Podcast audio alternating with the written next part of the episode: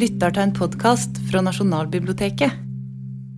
Kanskje vi kan begynne med Hva var omstendighetene rundt at du i det hele tatt fikk tak i det brevet her? Martha? Det er litt, nesten litt sånn detektivaktig.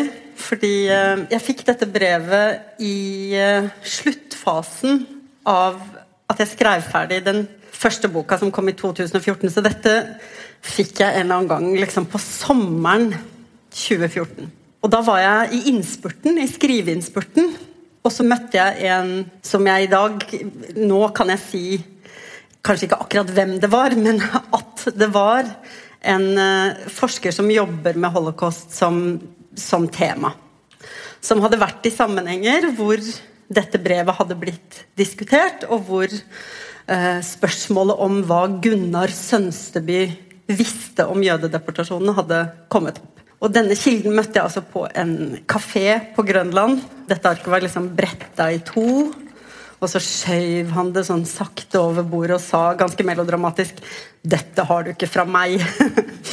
Eh, da var det viktig for den personen at det ikke kom fram at, at det brevet eh, ble spredd av han. Fordi på det tidspunktet, i 2014, så var alle de problemstillingene som jeg har tatt opp i, i Hva visste hjemmefronten, de var på en måte parkert.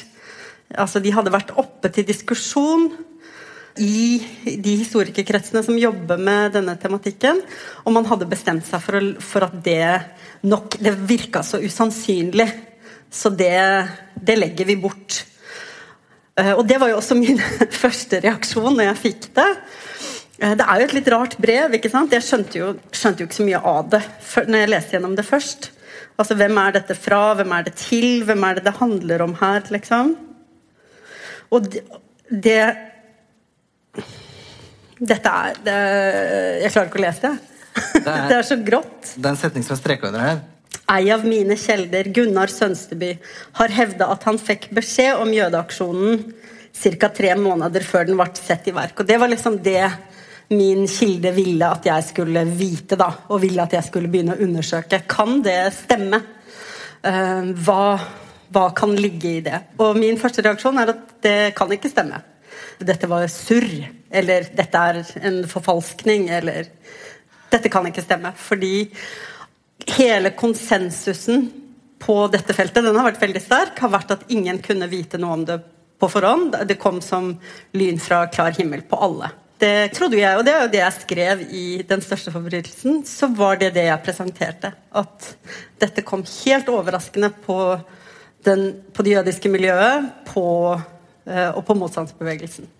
Det du snakker om, er selvfølgelig uttransportering av norske jøder i 1942. Altså at det var en Ja, altså at uh, Det at Det er mange måter å hvordan skal man avgrense det? Man, det er jo ikke bare én aksjon, det er flere aksjoner. Det strekker seg over et langt spenn, egentlig.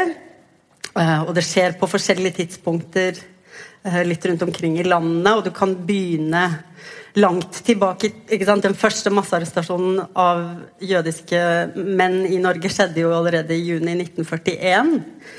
Men da ble de sluppet ut igjen. Så det, det, det, brennende spørsmålet er når begynte man å få informasjon om den endelige løsningen?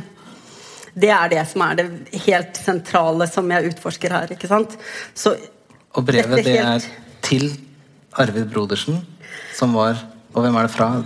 Brevet er, er, skrevet av Ragnar Ulstein, en av de viktigste eh, krigshistorikerne. Han er egentlig journalist. Eh, og så var han med i Kompani Linge under krigen.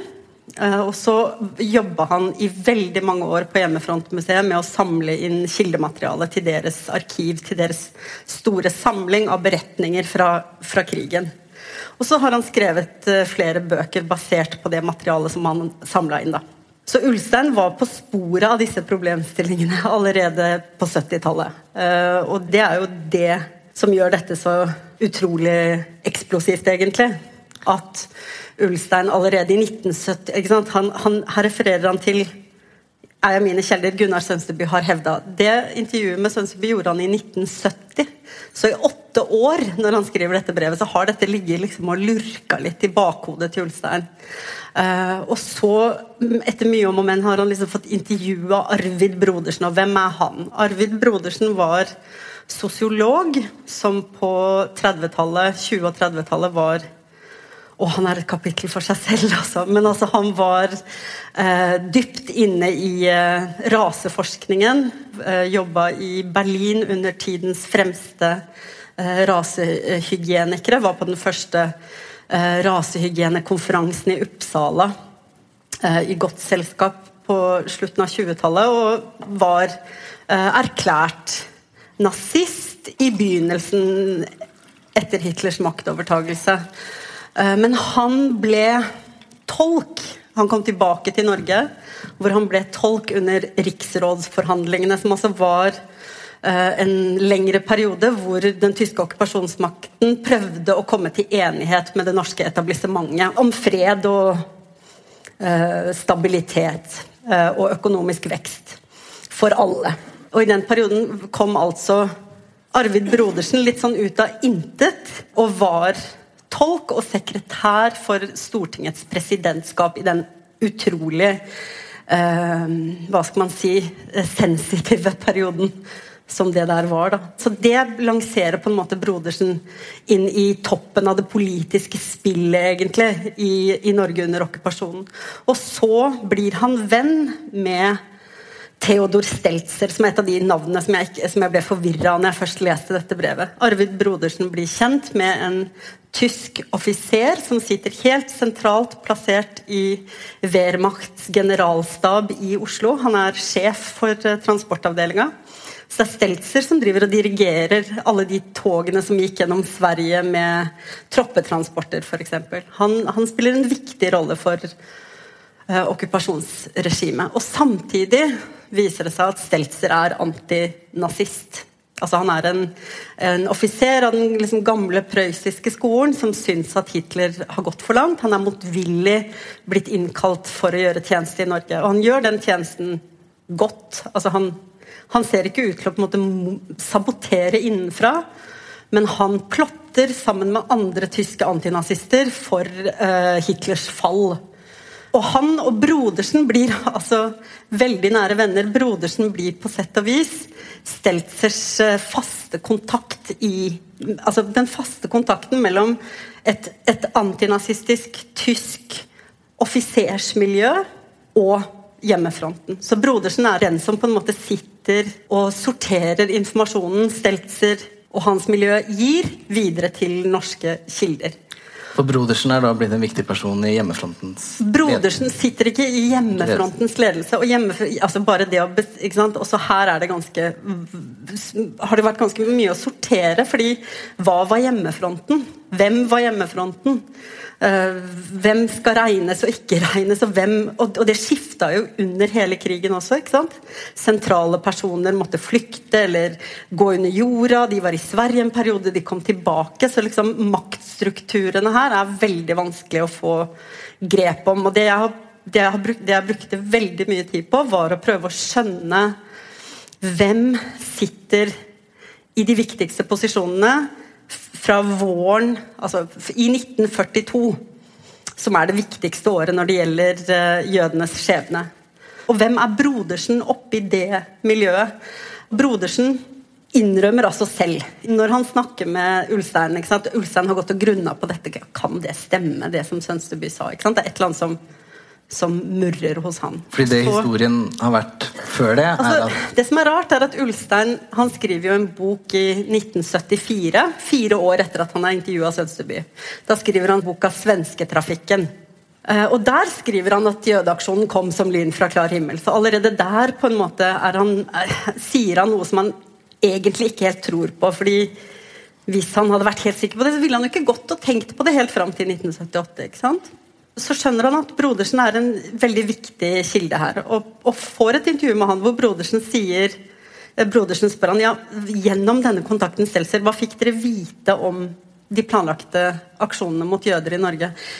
Eh, der sier Brodersen rett ut at uh, de ble varsla på forhånd. De ble varsla allerede i april 1942. Uh, Ulstein spør ja, var det snakk om utrydding. Ja, det var det. Ja, vi ble informert om Wannsee-vedtaket om at alle jøder skulle utryddes i det nazistiske området. Kona til Ulstein transkriberte alle intervjuene hans. ikke sant? Så når han hadde vært ute og snakka med motstandsfolk, så gikk hun gjennom de lydopptakene og så eh, tasta dem inn. Og i dette tilfellet så sendte Ulstein liksom Her er det transkriberte eh, materialet, og her er et brev. Jeg, nei, nå har jeg begynt å tenke litt mer. Nå setter jeg det du sa, mer i sammenheng med det. eh, med dette og dette. Og da gjør Brodersen seg plutselig utilgjengelig. Da sier Brodersen ah, ja, så, så interessant. Fortsett, fortsett å, å, Det står ikke i dette brevet, det er i, en, i den ytterligere korrespondansen. Fortsett med det. Um, jeg skal til New York nå. Du kan nå meg på, på dette hotellet hvis du vil. Uh, og så burde du Jeg, jeg vet at Oscar Mendelssohn hvis bok nå har blitt nyutgitt, jeg vet ikke om dere har fått med dere det, hans veldig, veldig viktige verk 'Jødene i Norge'. Brodersen skriver, Jeg vet at Oskar Mendelssohn sitter, sitter, og holder på, jeg vet ikke helt hva han har for slags materiale, men det ville vært fint om, hjem, om det kom noe sterkt fra hjemmefronthold. Uh, så, så, hold på, liksom. Men han vil ikke si noe mer om hva han selv visste. Og, og Brodersen er altså den helt, helt sentrale dørvokteren for den informasjonen som kom fra Tyskland. Eh, som begynnelse så var det, var det veldig spennende på sett og vis å få den overlevert på den måten, men samtidig så var det helt antiklimaktisk etterpå. fordi det første jeg gjorde, var bare å legge det bort selv også. Jeg, nei, dette her skjønner jeg ikke helt. Liksom, det kan ikke stemme. Bort med det. Og så tok det veldig lang tid før jeg på en måte plukka det opp igjen. Og begynte å dra i de der frynsete trådene og, som trakk meg langt inn i livet og Gjøren til Helmut von Molke, en tysk greve plassert i Abwehr. Eh, inn i Arvid Brodersen og hans fortid, inn i hele dette apparatet som eh, jeg til slutt kunne peke ut som hjemmefrontens på, på sett og vis operative ledelse i Oslo i den viktigste perioden. Og det er, det er så mange forskjellige forgreininger. Sånn at jeg måtte se på kirka, eksilregjeringa i London Egentlig alle sektorer av makt i et samfunn. da. Hva gjorde, hva gjorde konge... Altså, hvem, hvis man, Norge var jo okkupert, så nazistene hadde jo på sett og vis full kontroll. Og naziregime, de norske kollaboratørene sammen med, med det tyske apparatet. Men under der fantes det jo en masse eksisterende strukturer. Kirka fantes. Den illegale pressen og den legale pressen fantes. Kongehuset og det politiske etablissementet fantes både i London og i Stockholm. Og så hadde du det organiserte sivilsamfunnet, som i varierende grad gjorde motstand.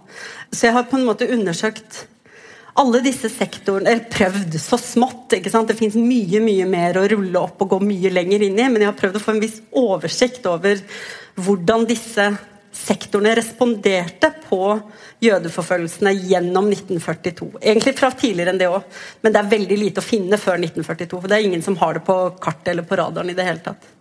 For det er litt sånn at, eh, at Når historikere går inn i kildematerialet, så vet jeg av erfaring at man, man, finner jo litt det man leter etter. Og det at du fikk det brevet her, mm. og som du har satt deg på sporet til andre ting, mm. gjorde at du begynte å lete etter noe helt annet. Og klarte da liksom å rulle opp og egentlig skrive historien om hva som skjedde under andre verdenskrig i Norge, men fra et annet synsvinkel, nettopp på jakt etter men hva visste egentlig folk om uh, holocaust, og hva som skulle skje. Mm. Og at det da viste seg at de visste mer enn det som tidligere har blitt uh, kommunisert. Mm. Det, Langt mer. Brodersen hadde veldig nær kontakt med en som het Tore Gjelsvik. Uh, ja, De var hverandres nærmeste kontakter på mange måter i den illegale perioden under krigen. Og Tore Gjelsvik ble uh, han ble styreleder for Hjemmefrontmuseet gjennom 25 år. Han ble sjef for uh, Hva heter det for noe? Polarinstituttet. og drev med ekspedisjoner til Svalbard og Grønland. innimellom med CIA på slep uh, i etterkrigsperioden. Og Tor Gjelsvik og Arvid Brodersen er altså de eneste som i ettertid har sagt noe som helst om hva uh, Steltzer og de tyske antinazistene kommuniserte om, om den endelige løsninga. Derfor har det vært så vanskelig å pusle sammen på en måte eh, hva, som, hva, som, kan ha skjedd, for de har hatt så stor interesse av eh, å bagatellisere den informasjonen de fikk. Eh, og så har jeg måttet prøve så godt jeg har kunnet undersøke hva det er sannsynlig at Steltzer og von Moltke har visst og har villet formidle til hjemmefronten. Og selv de som har gitt informasjon, så har jo den informasjonen da blitt til og med lagt lokk på i tider. Da har du f.eks. bak omslaget her så er det en faksimile av et transkribert intervju som du da fant på bakgrunn av at du hadde funnet brevet. Mm. Ja, for det var jo det første jeg måtte gjøre, var å finne ut av ja, Fins det et intervju med Gunnar Sønsteby hvor han sier dette? Og der lå det. Eh, det var en veldig enkel bestilling, liksom. Der lå det, og der hadde det ligget siden 1970. Enkelte historikere i den debatten som fulgte om boka, sa jo ja, dette har vi visst kjempelenge. ok, ja det skjønner jeg, for det har jo ligget der kjempelenge. Men hvorfor har dere ikke tatt det opp og brakt det videre og diskutert det, da? Um, så er det viktig å si at det, sant, dette i seg selv beviser jo på en måte ingenting. Muntlige kilder og muntlige kilder lenge etterpå, vi snakker jo tross alt mange mange år etter krigen, selv om det er 1970, har jo en veldig begrensa verdi. Uh, så det er jo alt det andre som også underbygger, mener jeg, at uh, informasjonen om den endelige løsninga var tilgjengelig ikke for hele Norge, ikke for mange i Norge engang, men for noen viktige miljøer var den informasjonen tilgjengelig. Og det gjelder kirkelige miljøer, ledelsen i de kirkelige miljøene. Det gjelder eksilregjeringa i London og kongehuset i London. Det gjelder det, diplomatiske, politiske miljøet i Stockholm. Eh, og de viktigste kontaktpersonene eh, inn i landet fra disse kanalene. Og allikevel så når det ikke fram. Allikevel blir det ikke kommunisert videre til de det gjelder, nemlig den jødiske befolkninga, som man hadde ekstremt lite kontakt med. Man, man bygde ikke opp noen form for beredskap. Man, man, tok ikke kontakt med det jødiske miljøet for å være forberedt på uh, at det kunne eskalere. Og Det er en sånn, det sier jo til og med Brodersen i dette opprinnelige intervjuet. sier han det var en eh, formidabel feil av hjemmefronten at vi ikke eh, begynte å etablere lister selv over jøder til senere bruk, på en måte. Så det er jo en etterpåklokskap som fins allerede Eh, blant det øverste sjiktet så tidlig som eh, i 1942. I 1942-43 så begynner Kan du se i kildematerialet at den erkjennelsen begynner å sige inn. da, At oi sann, her, her bomma vi.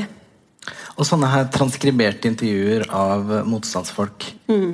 det, er det liksom en, en typisk kilde og den, Dette er den vanligste kilden i eh, det okkupasjonshistoriske feltet. Det hele begynte jo i 1945, eh, da Hjemmefrontens historieinstitutt ble oppretta, som var en slags uformell eh, ansamling av veteraner, kan du si, av folk som hadde spilt en eller annen illegal rolle under krigen. Og de sender ut til sine kontakter da, Eh, kan du skrive en rapport over hva du gjorde i krigsårene? Og Så begynner folk å skrive de rapportene, og de sender de inn til Hjemmefrontens historieinstitutt. Og det blir den første basisen av materialet, som senere blir Norges hjemmefrontmuseum. I tillegg så får Norges hjemmefrontmuseum eh, overlatt som er en rar beslutning sett i ettertid, men de får overlatt uh, det meste av det som gjaldt etterretning og militær, uh, militært materiale, gradert materiale, som de fikk fortsette på en måte å gradere. Så det ble ikke gitt til Riksarkivet. Det fikk en utvalgt gjeng fra hva skal man si, det britisk-lojale, borgerlige motstandsmiljøet fikk samle inn. De fikk si hva som skal samles inn, hvem som kan få se på det, og hva som er viktig på en måte å nøste videre i. Og Ulstein ble sendt ut. Han, fikk, han ble deres på en måte rullerende Det er en fantastisk innsats han gjorde. Han reiste i en campingvogn med kona si og en bil rundt i hele Norge og, og gjorde nærmere 800 intervjuer med grenseloser og uh, folk som hadde hatt en uh, radio i kjelleren, hadde sendt telegrammer til uh, over Nordsjøen. Altså han, han, kartla et enormt apparat gjennom de intervjuene. Og det på, det, disse samlingene er det okkupasjonshistorikere utgår fra. I tillegg til illegale aviser, biografier og, og memoarer som de viktigste aktørene selv har etterlatt seg. Det som er at I alle disse protokollene over hva motstanden var, og hva hjemmefronten gjorde Det er jo allerede der et problem i historieskrivinga. fordi hvilke protokoller skrives, og, og om hva? Hva blir de trådene som man, som man, blir interessert i å følge, og som man bestemmer at skal følges? Og der er jo jødene ikke interessante i det hele tatt. Altså det blir aldri, du, Man intervjuer nesten hver eneste grenselos men nesten ingen jøder. Den bunken er liksom så bitte, bitte liten, mens helte... Det er ikke heltefortellinger, det er jo liksom grått og smått, egentlig. Veldig mye av det materialet. ikke sant? Det er sånn, nei, Jeg og broren min vi frakta en del folk herfra til dit. Dette er ikke grandiose fortellinger. Det er det andre som har laga, kan du si, av det materialet. Men det, det materialet er enormt mens ikke for, eh, for, jødene. Så der er selve kildesituasjonen i utgangspunktet veldig skeiv. Vi skal gå litt videre fra kildesituasjonen og hva den større historien det kaster lys over. Mm.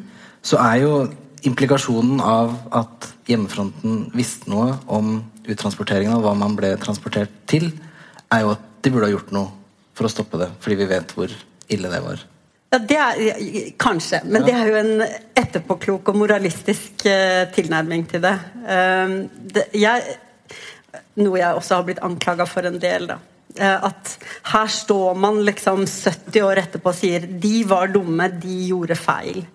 Eh, og det, det, kunne man jo skrevet på en lapp. liksom. Det hadde jeg ikke trengt å, å gjøre så omfattende. så implikasjonen av dette materialet er ikke at de var dumme og de gjorde feil. Det alt dette materialet viser, hovedfunnet mener jeg som er helt nye og viktige, det er at aksjonen kom ikke som lyn fra klar himmel. Altså det, er et, det er et nytt funn. Det er en ny realitet.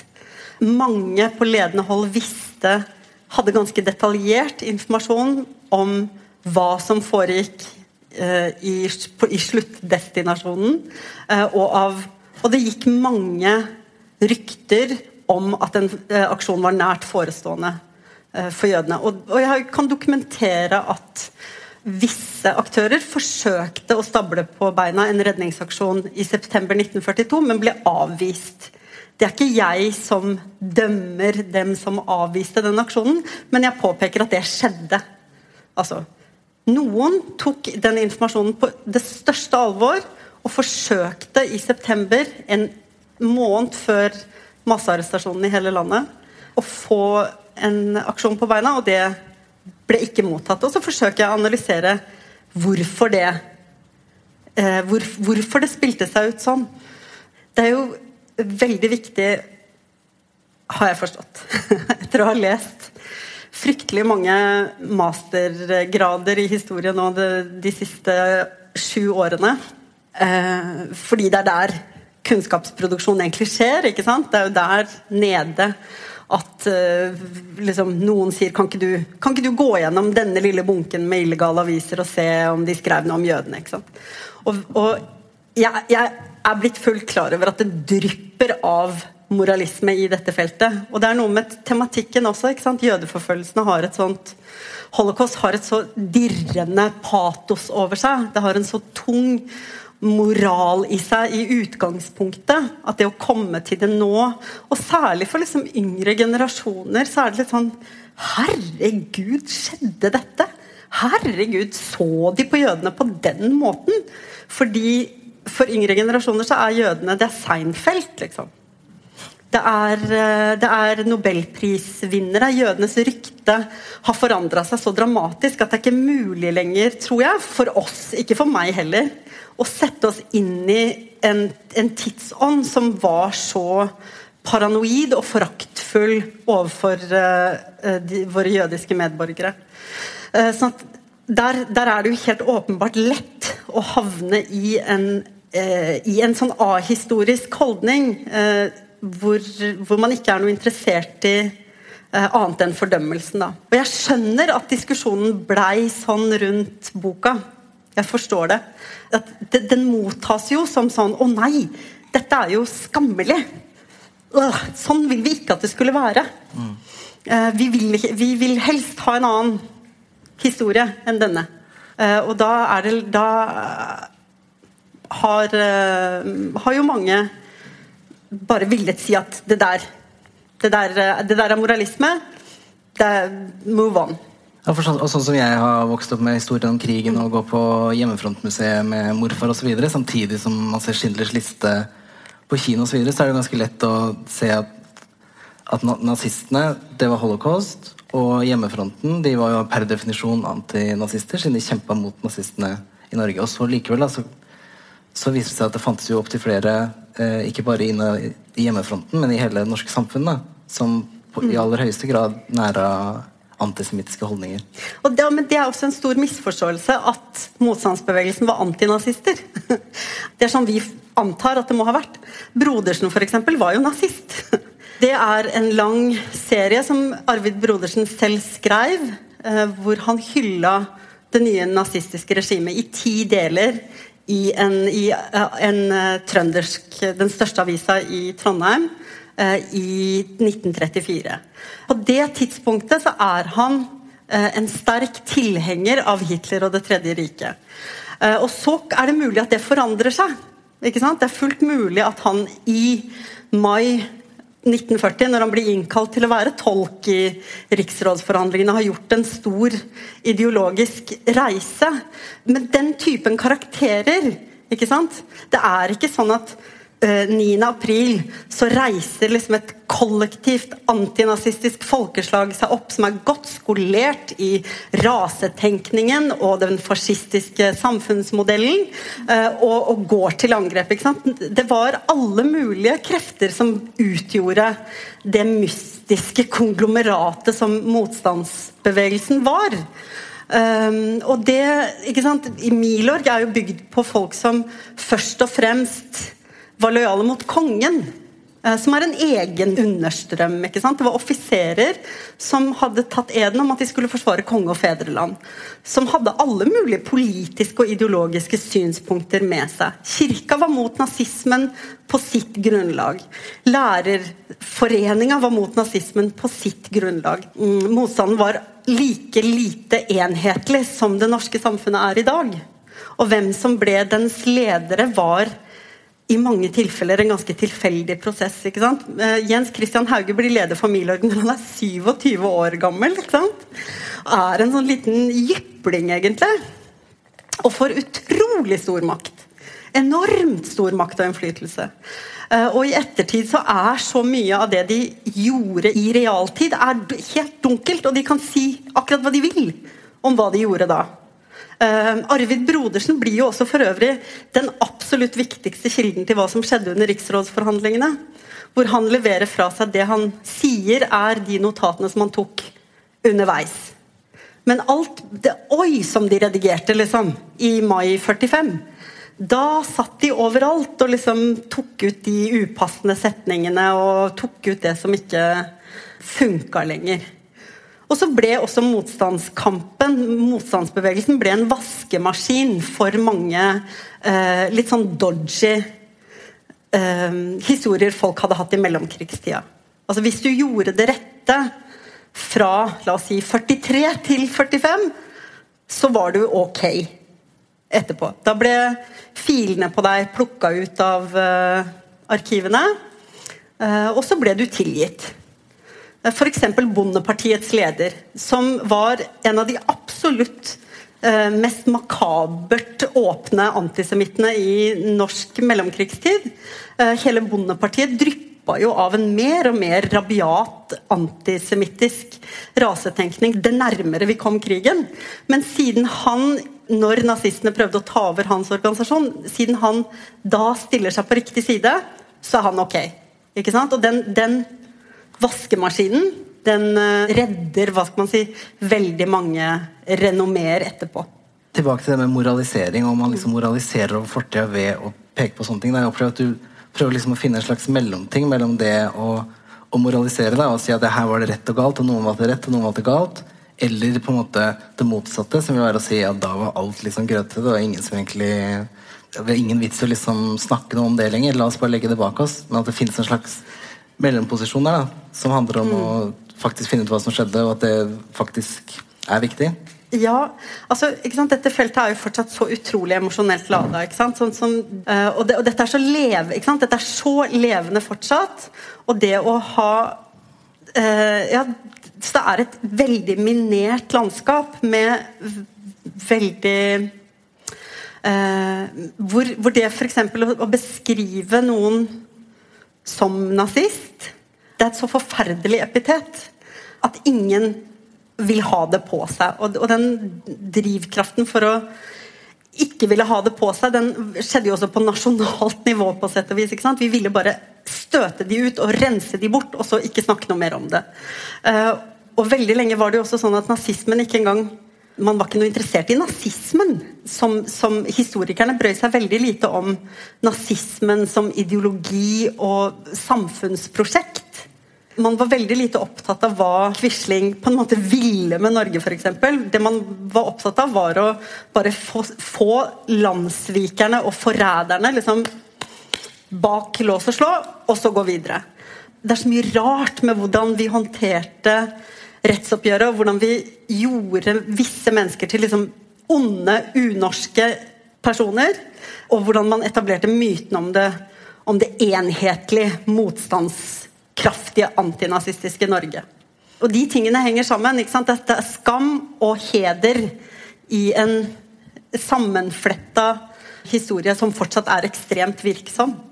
Nettopp det, nettopp det at den er virksom da, i vår tid, som jeg tenker gjør at, eh, at det faktisk fortsatt er nødvendig å finne ut mer om hva som faktisk skjedde. Og disse rettsoppgjørene var jo problematiske for å si det mildt, over hele Europa på ulike, på ulike måter. Mm.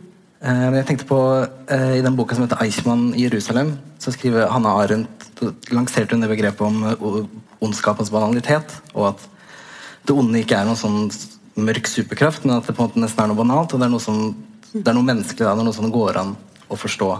Men samtidig så var hun også veldig opptatt av å Samtidig som hun liksom ville at vi skulle forstå hvordan det kunne skje, og at det ikke nødvendigvis var så mystisk, så var hun også veldig opptatt av å skrive om alle de ulike europeiske landene, og hvem som hadde gjort hva, og hvem som hadde gjort gode ting, hvem som hadde gjort dårlige ting. Og veldig opptatt av det fordi det på en måte handla om fri vilje også, da, som var viktig for henne. Mm. Og at, uh, at, man måtte også hedre de som hadde faktisk gjort det riktige. Og ved å liksom skyve under teppet de tingene som var feil, så ble jo det en måte å gjøre det motsatte på. da. Mm. Altså, jeg, jeg synes Eichmann i Jerusalem er han har absolutt svakeste verk. Og jeg syns at det med ondskapens banalitet Det har hatt så eh, jeg tror det er få land hvor det begrepet og hvor Arendt har hatt en så stor plass som i Norge, egentlig. Eh, fordi at det har, har passa veldig bra inn i vår, eh, vårt syn på kontroversielle figurer som f.eks. Knut Rød. Eh, den politifullmektigen som var eh, eh, hva skal man si, ja, den gjerningsmannen på norsk side som hadde størst ansvar for, for gjennomføringen av det hele. Det fantes et sterkt ønske om å betrakte drivkreftene og gjerningsmennene som bare nyttige byråkrater som, som, ikke hadde noen eh, egenvilje her. Det passer veldig bra på sånn som vi har konstruert Knut Rød, eh, f.eks. Og jeg syns det har svakheter, fordi i, i, i nyere holocaustforskning så ser man jo at eh, Eichmann absolutt ikke var en nøytral byråkrat. Han var en dedikert antisemitt. Han hadde en veldig lang historie av å mislike jøder. Han satt ikke eh, og betrakta transporten av dem til døden som et hvilket som helst annet transportprosjekt. ikke sant? Han, han ville at jødene skulle utryddes. Vi kan ikke belegge at Knut Rød hadde noe tilsvarende ønske. men Eichmann er det veldig godt dokumentert. Ondskapens banalitet er et relevant poeng, uavhengig av, av de konkrete aktørene i holocaust. Men jeg mener at vi har latt oss eh, Særlig i, særlig i den norske tilnærminga til dette, så har vi vært litt forblinda av eh, Arendt. Men det er, det er, et sidespor egentlig i denne sammenhengen. Det som var så episk med Eichmann, er, er jo at holocaust bare kommer inn i på TV. Veit alle hvem Adolf Eichmann er engang? Adolf Eichmann ble kidnappa av israelsk Mossad i Argentina i 1963.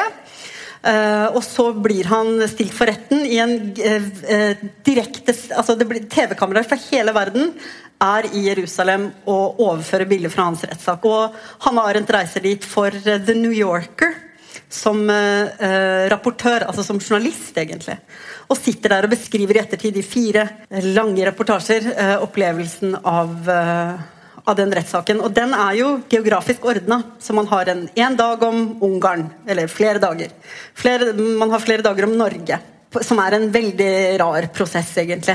Eh, det er veldig lite fra Eichmann-rettssaken som har særlig historisk relevans for den norske prosessen. Det er, rar, det er litt rart.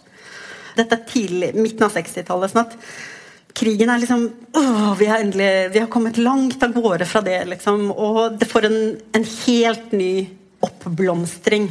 Eh, og det blir også tatt imot av det som kommer til å bli 68-generasjonen. Som får holocaust som et sånt stort, stort dirrende tema. Det er barna til de som overlevde krigen.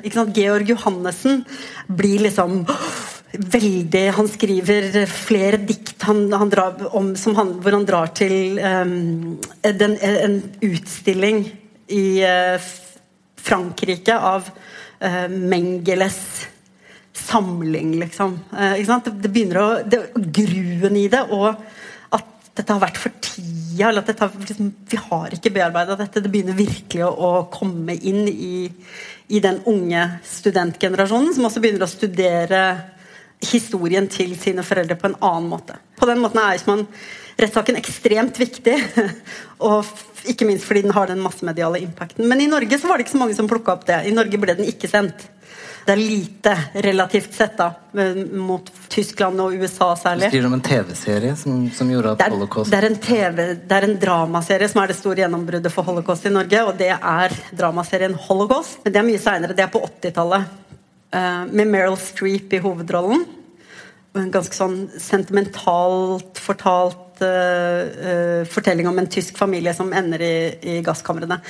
Og den ville ikke NRK først vise. Kringkastingsrådet hadde en lang diskusjon om skal vi eller skal vi ikke vise denne.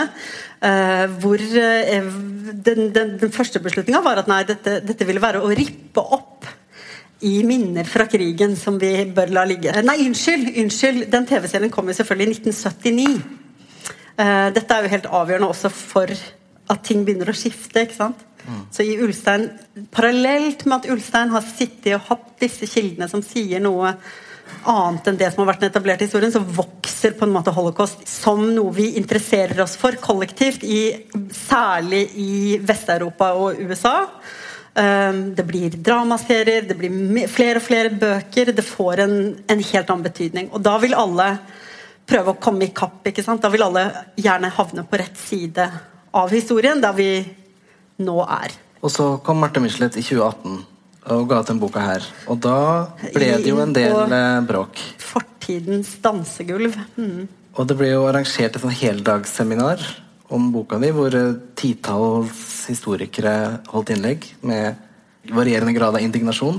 Og det kom over 500 personer. Det var sikkert mange av dere som var der også. Ble holdt i samfunnssalen. Håper ikke det. Dere kan ikke lide dere gjennom disse tingene igjen og igjen. Men hva, har, Vi har selvfølgelig vært inne på det, men eh, hva, dypest sett hva handler den liksom intense motstanden og interessen, da, kan jeg også si, men for særlig motstanden Det er mange svar på det, men jeg, den som jeg syns er mest relevant, er at det står mye på spill. Det er både forskerkarrierer og ettermæler og ikke minst på en måte det nasjonale narrativet. da og, og, mektige institusjoner, kan du si. En av mine hovedmotstandere i den debatten, som skrev innlegg på innlegg side opp og ned i Aftenposten, det var jo eh, Arnfinn Moland, som fikk underskrive med at han var tidligere daglig leder ved Norges hjemmefrontmuseum, men som i dag jobber i hele tida mens han skrev disse kronikkene, så er han altså ansatt i den militære etterretningens historiestab, hva nå det er, på Lutvann. I den militære etterretningens hovedkontor. Jeg noterte meg også at Robert Mood, generalløytnant Robert Mood ville uh, helt åpenbart uten å ha lest boka altså Han skrev også en, en helsides kronikk i Aftenposten om at uh, heltene var fortsatt helter. Uh, og dette har en funksjon ikke sant, på offisersskolen så velger man Hvert kull velger seg liksom hvem Hva skal vi kalle oss? Og der går de inn, og der henger liksom alle portrettene av Sønsteby og, og Kompani Linge og disse liksom mytiske figurene. da. Eh, og så kaller de seg liksom Kompani Ulv eller Kompani Sønsteby. Og så er det på en måte en, Det bærer en sånn idé om hvem Norge er. Og det er, det er veldig tett knytta til Produksjonen av okkupasjonshistorie har vært veldig tett knytta til noe som er ganske usynlig for oss, fordi vi har vært i fred i så mange år. Men, men eh, det at vi også er en krigsstat, det er eh, helt nødvendig som argument. Det har vært et helt nødvendig argument eh, og en veldig gunstig propagandaposisjon å si at vi må fortsatt være det må fortsatt finnes en Sønsteby i oss alle. Og Derfor så, så er det vanskelig selvfølgelig å, å nyansere fortellinga om dem. Det er ikke like lett altså ja, for det neste offiserskullet å ta det som sitt emblem. ikke sant? Så Det har noen, det er en del av det. Ja, det, men det var ikke bare militæret heller. Det er jo hele historien om, om hvem vi er som mm. nasjon. Altså, jeg, er, jeg er født i 1985. Jeg har, rundt, jeg har, gått rundt og vært stolt av at Norge vi, som nasjon ja. Nazistene kom, og de forsøkte å drepe alle jødene. Ja. Og Norge som nasjon sto imot. Ja, og det skal vi også være. Men vi kan ikke se på det som noe som Det har vært en tendens å se på den, det at Norge tross alt fikk en så åpen og standhaftig sivil motstand som var helt uovertruffent i noe okkupert land. Og se på det som noe sånn essensielt norskt. altså Nærmest rasetenkning om at demokratiet er et gen. Eller at antinazismen er, er, en, er, en, er sydd inn i bunaden på et eller annet vis. Uh, og det er det jo ikke. Det er jo kløktige politiske strateger som bygger uh, den sivile motstanden. Og litt mindre dyktige militærstrateger som bygger den, uh, den ganske passive militære delen som var Milorg. Og noen kommunister som sprengte ting i lufta på diverse vis. Som ikke har fått medaljer og ikke sant. Altså, det, dette, er en, dette er et komplisert landskap. Du skriver jo det helt på slutten at du faktisk har fått mer respekt for hjemmefronten. Ja, også herlighet. Jeg har jo vokst opp framfor alt med de militante aksjonene som på en måte fortellinga om krigen. Men det er jo den sivile motstanden som er mirakuløs. Det er jo lærernes mobilisering, prestenes mobilisering. Det er det, er det den evnen til å organisere seg på grasrotnivå som er helt utrolig. Med, jeg får gåsehud bare jeg sier dette.